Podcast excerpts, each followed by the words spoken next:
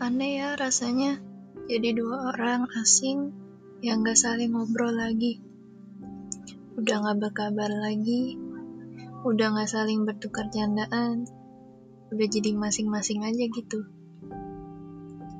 Rasanya dulu masih baik-baik aja, masih bisa ketawa lepas, masih bisa dengar suaranya, masih saling ngasih perhatian, masih ngobrol sama dia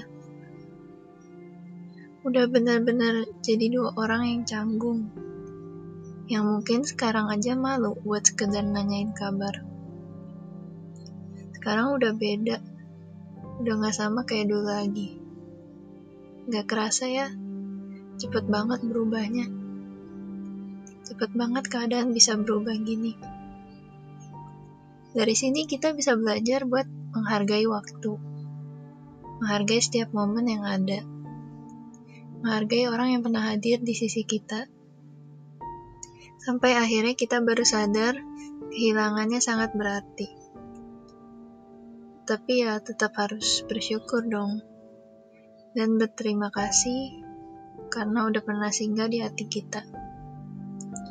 Karena emang akan lost contact pada akhirnya.